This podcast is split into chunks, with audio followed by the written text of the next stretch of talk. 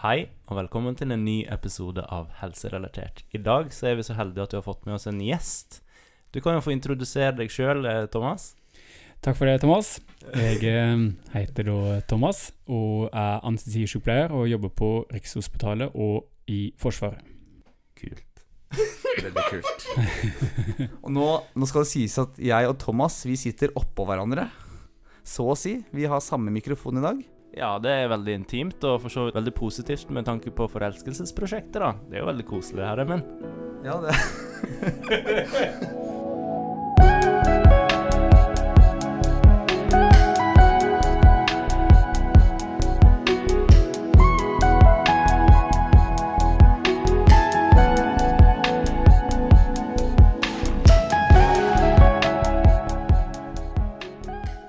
Men Emil, jeg og du vi bruker jo hver gang vi møtes å snakke litt om hva vi har gjort siden sist. Og nå er det jo bare et lite døgn eller to siden jeg og Emil møttes. Men du Thomas, det er jo litt gøy å høre hva du har gjort siden sist. Ja, um, jeg har tatt turen til vene, vakre Telemark.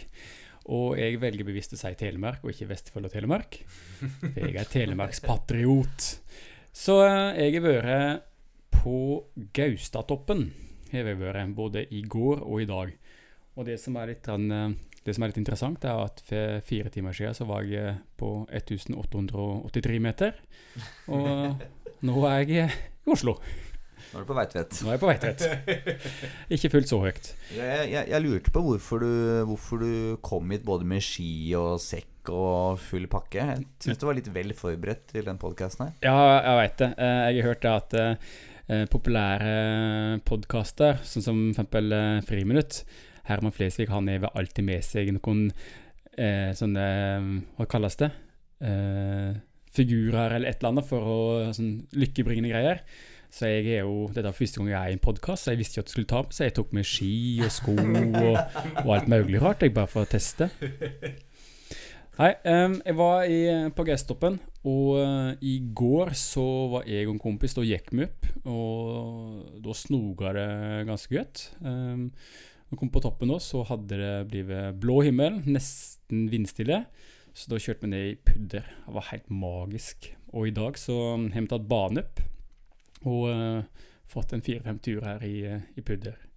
Så jeg skulle jo kjøre ei, eh, ei renne ned eh, i dag. Og første sving så klarer jeg å krysse skien og løse ut den ene skien. Den for jo av gårde nedover. Eh, så heldigvis så fant kompisen min skien igjen, da, men jeg måtte da krabbe opp igjen en 35 graders hellingsbakke. Så det, det var jækla kjipt å ikke få kjørt den renna, men eh, jeg kom i hvert fall helskinna opp igjen, og det er vel det som er det viktigste. Det er det viktigste. Men Ja. du, var det bra forhold der, da? Det var puddersnø og greier? I går så var det pudder. Eh, I eh, natt så har det snoga Nei, blø, eh, blåst en del. Slik at eh, det var en del eh, fokksno og litt sånn harde slags kavler, da. Eh, så, og det var litt rasfare. Så det var en kar i dag som løste ut et skred, med vilje, vel å merke, eh, i den ene renna. Eh, slik at det Ja, han skulle løse det kontrollert, da. Eh, og da gikk det jo ikke mer skred når et skred er gått. I hvert fall ikke det området. Så eh, det var fine forhold eh, i dag òg. Litt hardere, men som sagt veldig fine forhold. Det var steikende sol og, og helt vindstille på Gausetoppen. Og det er ikke ofte det, det er der, altså. Så det var magisk. Magisk, magisk. Fikk kjenne litt på syre i beina og tynn luft. Så nå vet, nå vet jeg åssen du har det, Thomas. Velkommen i klubben. Takk.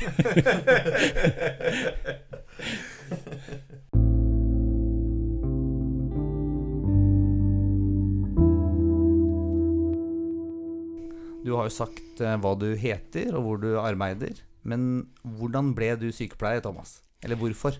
Ja, du, det er egentlig en ehm, Det var egentlig veldig tilfeldig. Eh, jeg skulle egentlig bli kiropraktor, og eh, gikk da på Bjørknes og tok fysikk, kjemi og biologi. Ehm, den perioden så bodde jeg med broderen i Oslo, og etter en fuktig kveld på byen så knakk han nakken. Nei! Jo da. Ehm, det var stupa i bassenget i Frognerbadet, så var det ikke vann i bassenget. Men i hvert fall det gikk helt fint da, og Shinoko. Um, så da ehm, var jeg mye hjemme med han da, og passa på han og droppa litt mer ut av skolen. Eh, og da var det egentlig mamma som kom med forslaget at skal ikke bare bli sykepleier, da? Og jeg hadde ikke akkurat noe bedre forslag sjøl, så tenkte jeg hvorfor ikke? Så da eh, søkte jeg meg inn og kom inn. Det er jo faktisk en ganske bra historie, må, må, må vi si. Ja, iallfall en ganske unik historie. Ja. Nei, så det var egentlig bare tilfeldigheter at jeg ble eh, sykepleier. Mm. Så da, da søkte jeg på Universitetet i Stavanger og kom inn der. Og litt av grunnen til at jeg søkte i Stavanger, var for at jeg ville flytte til en by der jeg ikke kjente noen fra før, eh, og eh, møte nye folk. Så da var Stavanger et eh, perfekt alternativ eh, for meg. Du, så du gikk hele sykepleierskolen i Stavanger. Ja, det stemmer. Mm. Når du gikk da sykepleien på et universitet, hadde du da X-FIL og X-FAC? Og om jeg hadde Jeg hadde X-Fil, og uh, kan ikke akkurat si jeg var fryktelig god i det. Jeg, eh, jeg er jo ikke en slik person som syns at uh, det abstrakte er veldig lett å forstå. Uh, og X-Fil er jo ganske abstrakt, etter min mening. Um, så at det var en del Ja, det var en del eh, frustrerte situasjoner og kvelder der jeg satt med dette her, men jeg klarte nok å karre meg gjennom det. Så det var jo eneste det jeg måtte, det var å komme gjennom det. Så det gikk fint. Men uh, siden du da Du gikk jo like mange år som oss. Uh, hvor mye tid brukte man da på X-FIL og X-FAC da? Sånn uh...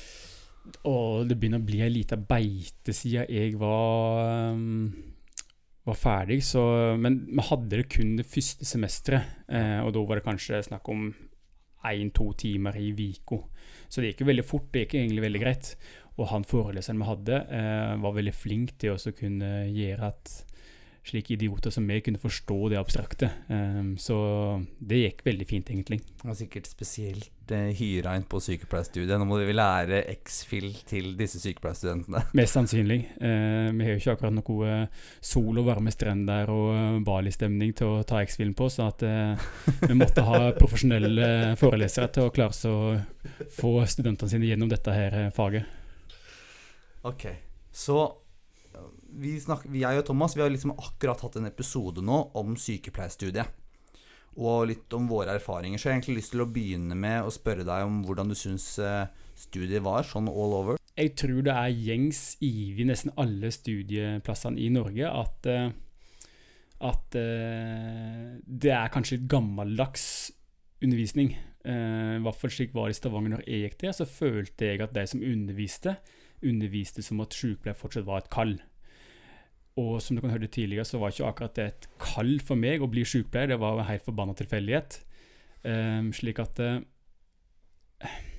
Jeg mener personlig at jeg kanskje fokuserer på litt feil ting. da. Uh, mange av de foreleserne som har uh, undervisningene, de, de har ikke vært i klinikken på langt over 20 år. Og så da forsvarer de fagligheten, eller den um, forsvarligheten av meg at de leser forskningsartikler. Og jeg mener at forskning og praksis det henger ikke sammen. Uh, sånn at det vi lærte på skolen, var ikke det vi opplevde og så i praksis på sykehuset. Så slik sett så syns jeg um, at det er et forbedringspotensial. Uh, og dette tror jeg er gjengs ivig, for jeg snakker med veldig mange andre som har studert andre plasser. At uh, de som skal forelese, bør ha pliktår der de jobber mer klinisk slik at de blir oppdatert på hvordan ting faktisk fungerer i dag, og ikke bare tror at de kan det med å lese forskning. Det syns jeg er et veldig godt poeng, og det kjenner jeg i hvert fall eh, Første året jeg gikk på sykepleien, så hadde vi jo en sånn veileder som Han hadde ikke vært ute i klinisk eh, praksis, han hadde bare sittet på, på høgskolen da, og, og forelest Ikke sant? i mange, mange, mange år. Så det han snakker om, det u- var utdatert, da, så, Mm. så, sånn som du sa. Og de er, jo, altså de er jo ekstremt dyktige i faget sitt. Altså teorien, det, det kan de på ram, så det er, det, er, det er bra, altså. Men det er nettopp den der, Når vi har disse kliniske eller praktiske ferdighetstreningene på skolen, eh, så er ikke det Altså, det er ikke det vi lærer der, det får vi ikke dra nytte av i realiteten på sykehuset, for det er ikke slik det gjør det lenger. Og det kan du ikke lese i til forskning. Men eh, bortsett fra det, så var det jo Altså, det er alltid moro å studere. Du møter masse nye folk, du lærer nye ting og slikt noe, så det var moro, syns jeg. Og så er det jo et spennende yrke. Det er et spennende fag. Eh, og det å begynne å eh, lære om anatomi og fysiologi og sykdomslære, så det er jo et helt nytt språk. Så du skal begynne å lære litt latin og slikt noe. Og det også, det også få dreisen på det og slik noe, det gir jo en vanvittig mestringsfølelse. Og forstår som For i hvert fall jeg fikk veldig mange sånne Aha, faen, det er slik det fungerer, ja. Det er sånn kroppen er. Akkurat, ja. Og da når du fikk de der sånn eureka-aha-opplevelsene, og forsto liksom hvorfor er tisset gult, og hvorfor tisser du mer, og hva det som skjer med nyrer som gjør at du produserer tiss, det er jo litt interessant, egentlig. Det er veldig, veldig kult. Nå var det nesten et kyss mellom Thomas og Emil. Begge gikk mot mikrofonen. Det her Mikrofonen her, den sånn fellesmikrofon, byr på mange intime muligheter for oss. Ja, absolutt. Jeg vet ikke om det her eh, ja, ja, Om ting som skjer her i studio kan betegnes som utroskap, men eh, Men eh, jo, Thomas. Jeg lurte på en Ja. ting. forresten. Ja, du lurte på en ting. Hvordan opplevde du praksisperiodene? Hvordan var de i Stavanger? Um, de var bra. Nå hadde det seg slik òg at eh, jeg hadde et utvekslingssemester til Canada. Men før det, det var femte semester, men før det, da var jeg på en sykehjemspraksis. Det var jo første praksisen, og den, den syntes jeg var traust, det skal jeg være ærlig å si. Eh, der og da, første dagen, første uken, så var det litt spennende, så var det noe helt nytt. Og jeg fikk jo den der eh, følelsen at jeg skal revolusjonere, og jeg skal, jeg skal hjelpe mennesker, og jeg skal liksom stå i bresjen for de svake. og fikk den der følelsen, men det ga seg jo fort da jeg forsto hvordan systemet funka. Eh, men eh, alt i alt så det, var hyggelig å snakke med gamle mennesker, og det var hyggelig å være med dem og prate. og Han ene husker jeg var, han var dement eh, og hadde vært politi under krigen, og hadde da vanvittig mange historier å fortelle. Så jeg satt jo inn på rommet hans timevis og bare hørte på han fortelle samme historien om at og om at og om at, for han husker ikke hva han har fortalt. Så det syns jeg var vanvittig fascinerende. Det er litt artig at du sier, fordi det var noe av det jeg og Thomas snakka om i forrige episode. At noe av det fineste med sykehjemspraksisen var, var den relasjonen man fikk da, til primærpasienten sin, eller de, de få pasientene man hadde. Mm. Eh, Jeg lurer på om Var det noe du opplevde i praksisperiodene de tre årene på skolen, eller, eller noen spesielle lærere som gjorde så du allerede under studiet begynte å få øynene opp for anestesi, eller kom det seinere? Nei, det var Det var faktisk om da Nå husker jeg ikke helt åssen praksis det var, men eh, det som var det at jeg kom opp i en eh, situasjon der vi hadde en pasient som fikk eh, hjertestans. Eh, og så ble det ringt på stanskålingen, og så kom det en hærskare av grønnkledde folk. Og jeg tenkte bare å, fy faen, her kommer som A-laget. Nå skal det som save the fucking day. Og dette syntes jeg var utrolig fascinerende. Så fikk jeg da være med inne på rommet der jeg holdt på, så resusciterte denne personen som hadde fått uh, hjertestans. Um, og så liksom da åssen han Spesielt en én person da, uh, som drev og komprimerte, og han var på luftveien og intuberte, og han hadde sånn stålkontroll. Så etter at situasjonen var ferdig, så fikk jeg tid til å spørre ham at du det der, var, det der var heftig og slikt noe. da. Så sa han ja, du må bli anestesisykepleier. Og tenkte jeg ja vel, da får jeg bli det, da. Så eh, fra midten av studiecirka så visste jeg at anestesisykepleier skal bli. Og så har jeg jo Jeg har alltid vært fascinert av det som er akutt. Traumer og slikt. Nå hadde ikke jeg så veldig mye erfaring om dette før jeg begynte på sykepleien, men, men etter hvert så får du med deg litt av hvert. Og um, da tenkte jeg at dette her, må jeg, dette her er den retningen jeg vil uh, jobbe.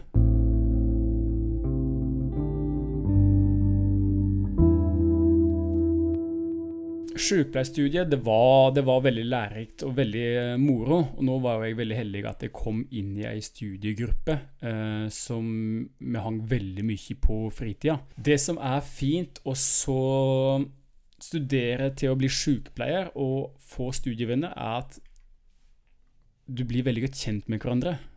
Eh, og den terskelen på hva som er greit å snakke om, og hva som ikke er greit å snakke om, den blir rimelig kjapt viska ut. Så det å eh, snakke om utlagt tarm, og det å snakke om eh, altså å ha sex og det altså, altså Alt er veldig naturlig. Um, så du blir jo ekstremt close da, med de du omgjengs mye med. Og jeg var såpass heldig at jeg var i en studiegruppe som hang mye på fritid, som sagt, og folk som var interessert i å gjøre det bra, da. Så jeg ble jo dratt med litt eh, i det. Og det er litt viktig, eh, skal jeg komme videre til etterpå med i forhold til videreutdanning. Så um, det var jo ekstremt sosialt og spennende og morsomt studie. Eh, og mens jeg studerte, så jobba jeg jo òg i psykiatrien. Så fikk jeg en del erfaring derfra. For psykiatri det lærer jeg ikke så fryktelig mye om på sykepleierutdanninga. Um, så da når jeg var ferdigutdanna, så hadde jeg ett år i uh, psykiatrien. Eh, og etter året så hadde jeg fått nok av det, og begynte da i akuttmottaket på sykehuset i Stavanger. Men eh, som mange andre studieretninger òg, så eh, har du muligheten til å reise ut og bli utvekslingsstudent eh, Mm. til andre land. Eh, og jeg valgte å reise til Canada, eh, og grunnen til det var fordi at jeg ville stå på ski. Ja, det er jo òg en motivasjon å ha for å reise på utveksling. Ikke sant? Eh, så vi var vel eh, til, til British Columbia der jeg reiste, så var vi jeg og så tre andre. Så vi sammen vi legde et hus og, og bodde der, og det var helt magisk.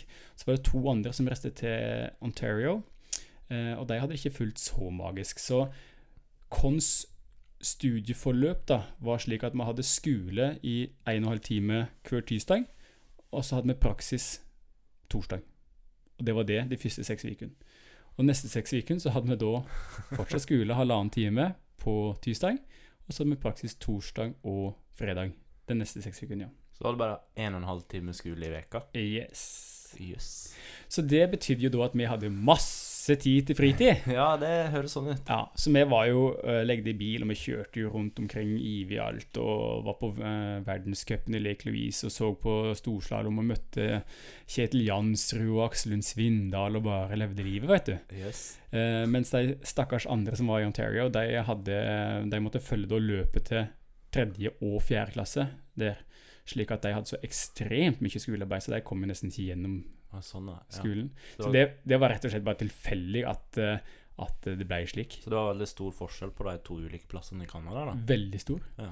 Så um, jeg tror nok at de som jobba på Thompson Rivers University, eh, misforsto litt i forhold til hva vi hadde vært gjennom og hva vi ikke hadde vært gjennom. Så Mm. de trodde at vi var så å si ferdige. Vi var jo for så vidt det, det var jo femte semester. Ja. Så de lot oss slippe veldig mange av de, eh, de obligatoriske fagene. Så um, det var jo egentlig en uh, ganske Det var egentlig det var fire måneder ferie, altså. Det var, ja. ja, det var kjempemorsomt. Men du fikk Følte du at du lærte noe likevel, selv om, eller var det liksom Hadde du et læringsutbytte av tida i Canada? Eh, Jeg kan ikke si at jeg husker hva de halvannen timen vi var på skole hver tirsdag, hva vi hadde. Det gjør jeg ikke. Nei. Eh, og i Jeg hadde jo psykiatripraksis i Canada. Oh, ja. Eh, ja. Og da, siden jeg hadde litt psykiatrierfaring fra før, så følte jeg kanskje at jeg ikke fikk veldig mye utbytte.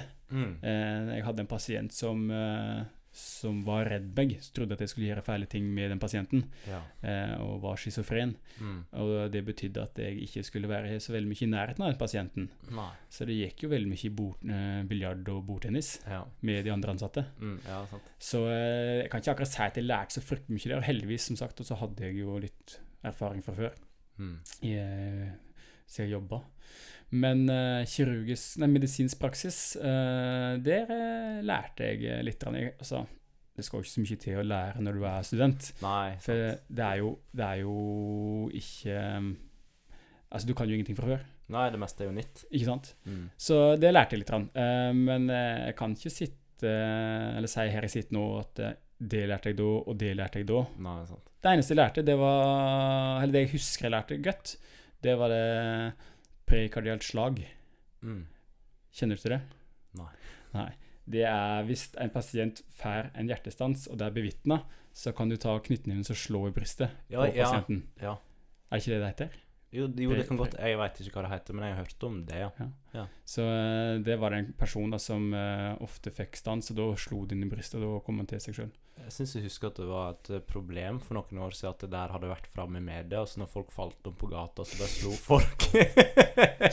så jeg tror på at de ble slått i brystet. Jeg er ganske sikker på at jeg leste en sak om Ja. det for en del år siden. Jeg syns jeg husker det var noe slikt på Ja. VG. Og så er det jo det er veldig omdiskutert om det virker eller ei. Ja. Eh, så, eh, men det så jeg at, eh, at de gjorde og, og ja. Jeg, var, altså, jeg hadde ikke peiling på hva som skjedde, det, så at det, det, Nei, sånn. for alt jeg vet, så kan det være at den bare lå og sov òg. ja. ja, sant. Det er jo litt dumt å gå og slå folk i brystkassa i øst og vest. på en Ja, måte. Men, det, eh, det er litt dumt, ja. men ja. Men eh, da hadde du både en medisinsk praksis og en psykiatripraksis i Canada Ja, det stemmer. i løpet av de fire månedene? Ja. Å ja. Ja, jøss. Nei, det var, det var, det var, det var lettbeint, det kan vi si. Ja. Men fryktelig moro. ja. Og du ble jo anestesisykepleier, og du har jo klart det veldig bra etterpå, så det var ikke sånn at det, det hadde ikke så masse å si, kanskje? Nei, for det er jo litt interessant med disse her em, praksisveilederne som, eh, som sier at hvis du mangler en dag, hvis du har en dag for mye fravær i praksis, så er, det, så er det liksom at du er ikke kompetent som uh, sykepleier. Du er ikke, det er ikke bra nok.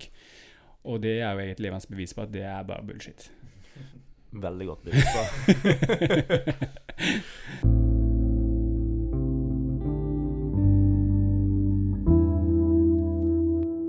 Så var det jo bacheloren, da. Og den eh, gikk jo unna en rasende. Det gikk kjempebra. Og der òg så er vi jo samla Vi får skrive tre Vi var tre stykker på gruppa som skrev sammen. Eh, og eh, Så vi hadde en kjempefin eh, ansvarsfordeling og slikt noe. Så at eh, det gikk eh, utrolig bra. Eh, jeg hadde egentlig grua meg til å skrive en bachelor, men, eh, men eh, Nei, jeg hadde flinke folk med meg, så det gikk veldig fint. Ja, men så bra. Du gruer deg til selve skriveprosessen, eller? Ja. Liksom, ja. Jeg er, altså, jeg er jo ikke akkurat den som syns det er moroest å drive og skrive oppgaver. Eh, så um, jeg syns det var litt Det var litt stort og uangripelig å, slik å ta fatt på å skrive en bachelor. Eh, men når du først kom inn i tralten og fikk litt mer oversikt, og du fikk systematisert hvordan de forskjellige noe, så gikk det jo egentlig veldig greit. Ja. Ja. Jeg er nysgjerrig på én ting, fordi det, jeg har jo studert både på universitet og høgskole, og det er litt sånn forskjell i hvor masse som er obligatorisk på en universitet Ja. og eh, en høgskole, men er det var det masse obligatorisk under studiet? Nei, det var ikke det. Det var Vi hadde ekstremt lite som var obligatorisk. Um, det var Det var vel noen av disse her foreleserne som hadde sine hjertefag, da, som kan du si, som annet var Et av det var komplementær alternativ medisin. Og det handla om berøring og visualisering for å få vekk smerte. Og jeg er jo som sagt ikke noe særlig abstrakt slik eh, type av meg, så jeg klarte ikke å holde meg, så jeg begynte å le. Og klarte ikke å stoppe. Og dere jo hvordan det er når det er at du sitter i en, en situasjon der du ikke skal le, og så begynner du å le. Ja. Da er det toget kjørt. altså Humortoget har forlatt perrongen, og du sitter på. Og du sitter faen meg fast. Så det ender jo med at eh, jeg måtte bare reise meg og si beklager, folkens, men jeg bare ødelegger mer enn jeg gir nytte for meg her, så her må jeg bare gå. Og læreren var helt enig. ja. Men jeg fikk ikke fravær. Du gjorde ikke det? Nei, jeg gjorde ikke det. Nei. Så det var, obligator Men var det obligatorisk? det var obligatorisk. Og det var det, Å ja, ja, ja. ok. Og så hadde vi vel òg noen andre dager der vi skulle lære å pusse tenner eh, på medstudenter og slikt noe som òg var obligatorisk. Så slikt noe, det var viktig for de eh, lærerne, da, og så sørge for at vi faktisk var på forelesninga og fikk med oss akkurat det der. Men sånn som det å snakke mer om venefloninnleggelse, for det er noe jeg mener er altfor dårlig på norske sykehus. Det er sykepleiere som ikke kan legge inn venefloner på, um, på sengepostene. Og mye av grunnen til det er fordi at en lærer ikke det hvordan en skal gjøre det når en er på sykepleierskolen. Så det Ting må endres litt. Grann. Ja, det må komme mer fokus på rett og slett prosedyrer under studietida, eller? Ja. Ja. Prosedyrer som er, som er viktige å kunne når du er ny som sykepleier. Mm. Eh, og da er ikke akkurat den komplementære alternativ medisin så viktig, men jeg mener heller at det er viktigere det å kunne faktisk legge inn en veneflon og gi fysisk, altså gi faktisk smertestillende som virker, i stedet for å visualisere de vekk. Så vil jeg heller ha ja, medisiner som virker, som fjerner faktisk smerter. Vi er vel begge helt enige, men ikke? Der er, der er vi helt enige. Ja. Jeg, jeg selv er jo et offer for denne veneflon-inkompetensen Nei, inkompetansen, ikke inkompetens. jeg har eh, særdeles dårlig veneflonkompetanse, og det, det er noe jeg bare må leve med, rett og slett. ja, for nå er det for seint. Ja, Først så begynte jeg å jobbe på barnemedisinsk sengepost. ikke sant? Der får du ikke legge veneflon. Det er bare legen som gjør det. Og anestesisykepleier, Og anestesisykepleier får lov til å gjøre det. Ja. Men det hjalp ikke meg. Nei. Og så blir jeg operasjonssykepleier, og da legger du heller ikke så veldig mye i venefloner. God på kateter, da. God på kateter, men øh, Men ja, det hjelper ikke så veldig mye hvis du må legge ned veneflon. Og det var det jo mange av mine kollegaer som jeg jobber med som, på operasjonssida, da, eh, som eh, spurte om ikke jeg fikk lov til å legge veneflon når vi hadde eh, lagt pasienten i narkose. Så var det jo mange narkon som hadde lyst til å legge veneflon, og det var aldri problem. Så det, det er bare så å kjøre på med, Emil, når du på Aleris. Ja, Jeg får bare begynne å spørre Ja, ja. på Aleris, da. Ja, ja, ja. Det ordner seg.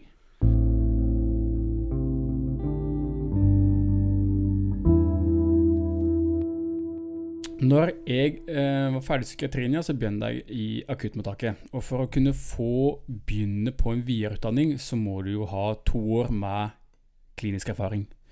Um, og i Norge så Nå kan det være at det er feil, men de ønsker helst at du skal ha en relevant erfaring. Så kjenner du til det, Emil? Eh, nei, jeg jobba jo på barnemedisinsk sengepost, og jeg ble operasjonssykepleier, så jeg vet ikke. Det var ikke Min, min videreutdanning var ikke relevant da. Nei. Nei, eller Ja, Arbeidserfaring. nei. Nei. Min arbeidserfaring var ikke noe relevant. Men, eh, men det var jo ekstrem mangel på operasjonssykepleiere når jeg søkte. Så det kan hende at det har noe med det å gjøre, mens anestesi er en mye mer populær eh, videreutdanning å ta. Da stryker vi det relevant arbeidserfaring. Ja. Eh, så i hvert fall jeg Ja, jeg jobba i hvert fall da i akuttmottaket i Stavanger.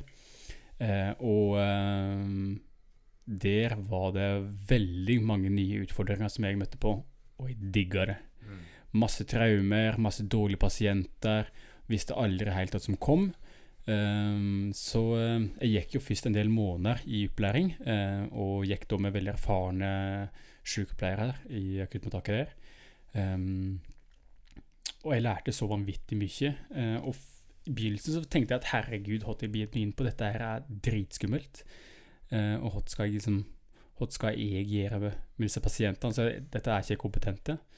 Men etter hvert som tida gikk, og jeg eh, følte at jeg fikk mer kontroll på rutiner, hvordan ting fungerte i avdelingen, og slikt noe, så ble den stressfaktoren den ble mindre og mindre. altså. Eh, begynte liksom å se gangen i en pasientmottak fra de kom inn på venterommet og inn i triasjen, der vi vurderte da alvorlighetsgraden av sykdom da, og slikt noe. Eh, og til pasienten ble tatt inn i selve akuttmottaket og fikk et behandlingsrom, og til legen kom og så, så på det. Så den gangen når jeg lærte det, og lærte meg litt mer om forskjellige sykdommene, og hva gjør vi med det, så det, det er veldig standardoppsett. Eh, hvis pasient eh, A hever den og den og den symptomene, så behandler vi med det og det og det. Eh, og samme er det med hvis pasienten hever slik og slik, ja, men så gjør vi det og det. Så sånn sett så er det jo eh, litt greit å bare jobbe sånn som du er vant med, liksom, eller det du lærer. Det er liksom et oppsett på det. Eh, men det som ofte er litt vanskelig, er hvis de er bevisstløse. Så vet en ikke helt hva det er som er årsaken her, og da må man behandle symptom. Så i hvert fall etter hvert da, så begynte jeg å få litt erfaring, og begynte å få en del kunnskap. Så da ble jeg satt som einer. Og den som er einer, det er den som er med på å ta imot alt av traumer, hjertestanser, sepsispasienter, altså de som ja, kan kalle blodforgiftning da, på godt norsk. Ehm, ja, de som har tatt Intox med forskjellige medikament, eller hadde drikke ting de kanskje ikke burde drikke. Um, ja, pasienter som kom inn med, med hypoglykemi, altså lågt eh, blodsukker. Eller de som hadde eksempel høyt blodsukker, hypoglykemi. Eh, så at, og følgeskader av f.eks. hyperglykemi da, gir jo at du får en ubalanse i syre-base-situasjonen i kroppen. Sånn at eh, det kan være veldig farlig og alvorlig, eh, og spesielt med hypoglykemi. Det kan være veldig skummelt. Kan jo gå inn i, i koma. Sånn at eh, det var utrolig lærerikt, og fikk være med på ekstremt mye. Og det som ofte jeg syns var litt rart, da, det var også å se på nyhetene ulike sånn, og det og det hadde skjedd. Og så veit jeg egentlig ja, det var kanskje akkurat det som skjedde. Og skadene var kanskje sånn og sånn. Eh, og det var veldig spesielt, egentlig, å vite å ha så nære kunnskaper til akkurat en isolert hendelse som så vanvittig mange personer får høre om. Det var litt rart, egentlig. Det er jo litt morsomt at du eh, snakket om eh, det her A-laget som du så i eh, sykepleierpraksis. Og nå ser vi jo da Nå er du på akuttmottaket. Du begynner liksom Du er eneren. Du er begynner å nærme deg dette A-laget. Og da kommer da steget nå etter hvert at du tenker at du skal bli anestesisykepleier, da. Ja. Det som eh, var Først så søkte jeg i eh, Norge, og kom ikke inn. Og så Nei, rettelse. Jeg søkte i Sverige, faktisk, og kom ikke inn. Og så søkte jeg da året etter både i Norge og i Sverige, og så kom jeg inn i Sverige. Og grunnen til at jeg søkte i Sverige, var fordi at jeg hadde hatt en tidligere kollega som hadde gjort det. Der er anestesiutdanninga ett år, og den er da likestilt da, med den norske utdanninga.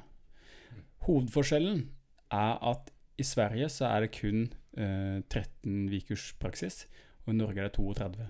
Så du får jo betydelig færre uker i praksis. Så da er det opp til sykehuset da, å se om det er muligheten, eller den avdelinga, anestesiavdelingen du får jobb på, og se om det er muligheten til å kunne veilede deg i de resterende ukene som du mangler da, i praksis. Så i Stavanger så um, hadde de erfaring med norske studenter som hadde studert i Sverige. Eh, så jeg fikk jobb eh, etter jeg har gått et halvt år da, på anestesien i Sverige. Så fikk jeg jobb um, med klausul om at jeg selvfølgelig fullførte og besto. Og da skulle de ha en veileder som venta på meg. Fordelen med dette her, det var at da hadde jeg i stedet for ett og et halvt, eventuelt to år med studielån, så hadde jeg nå ett år med studielån. Og så fikk jeg da lønn som anestesisykepleier med en gang jeg kom tilbake, og gikk på topp. Men det er fantastisk, da.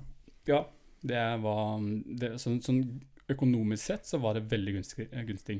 Vet du om det er et sånn alternativ for for eh, f.eks.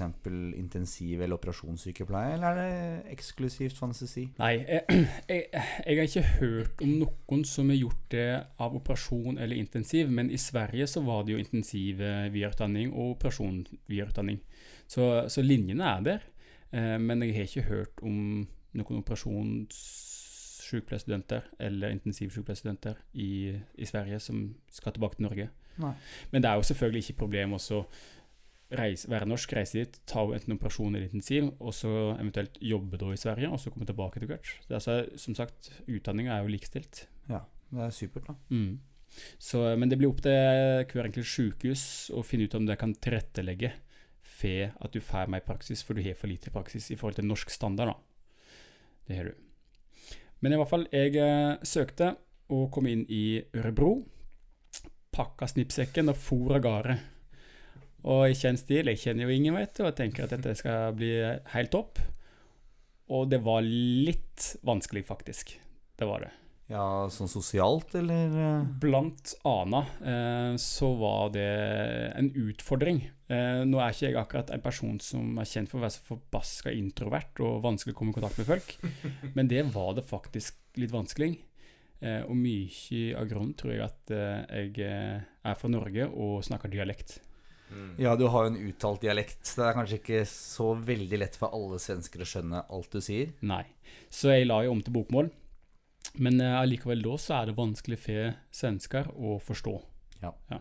Sånn at eh, Også de som gikk i klasse med, altså de som tar videreutdanning, er ofte litt eldre. Eh, skal ikke jeg akkurat si at jeg er så veldig gammel, da, men de nærmer seg 30, kanskje. da. Eh, og, eh, og mange av de har familie fra før. Eh, og de har sine venner fra før, og det er sitt liv fra før.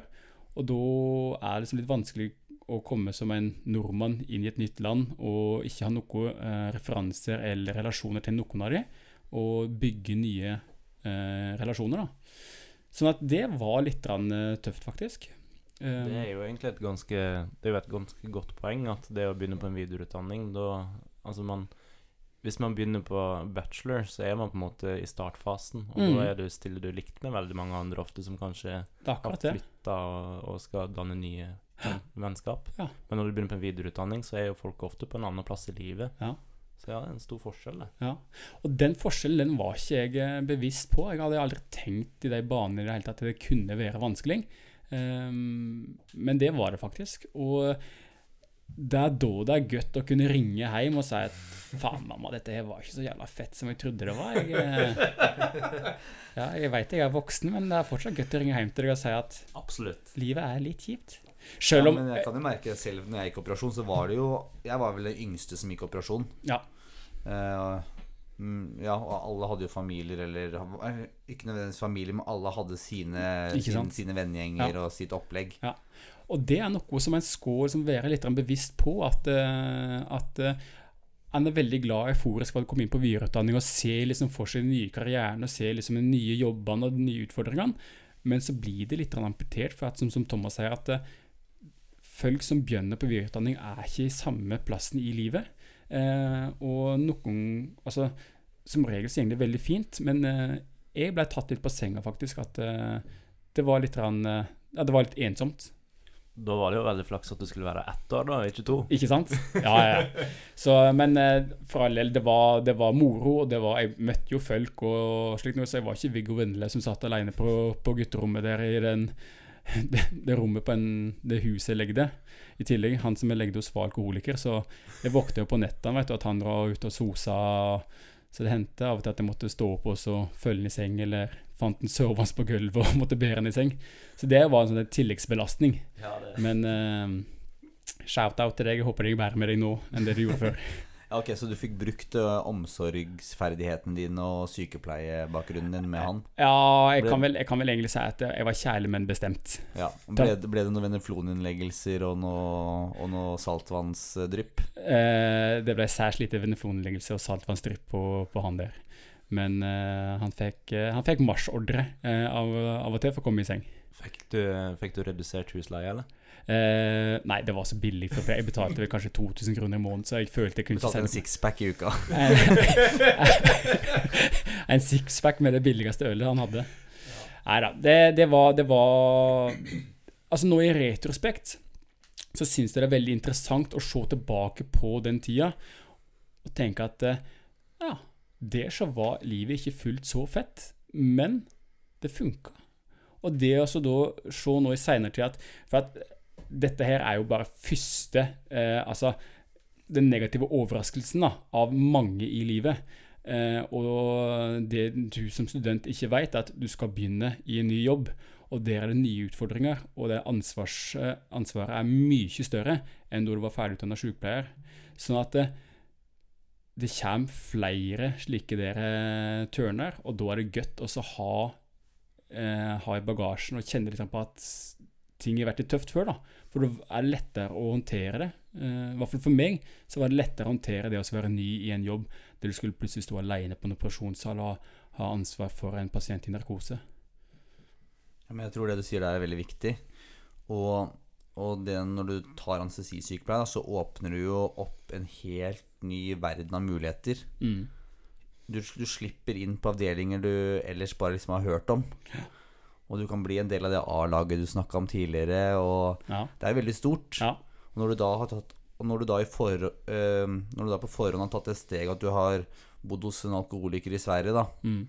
og du har tatt øh, skola der, Mm. du kommer tilbake, så er det kanskje litt mindre skummelt enn om du hadde tatt skolen i Oslo da, eller i Stavanger. Ja, hvem veit. Um, det var i hvert fall en litt annerledes studieperiode eh, jeg hadde enn det mange andre har hatt. Um, men eh, jeg hadde ikke lært foruten.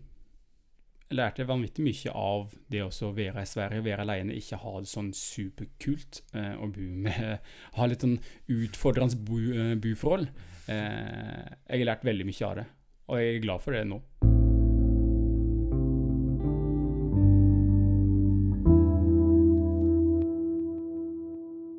Thomas han hadde såpass masse på hjertet at vi velger å dele denne episoden her i to. I del to så får du høre mer om hvordan det er å jobbe som anestesisykepleier, og om et eh, oppdrag som eh, Thomas skal på nå ganske snart, som er veldig spennende. Dessuten må jo jeg og Emil eh, fortsette med det her forelskelsesprosjektet vårt, så det er òg i del to. Vi høres der.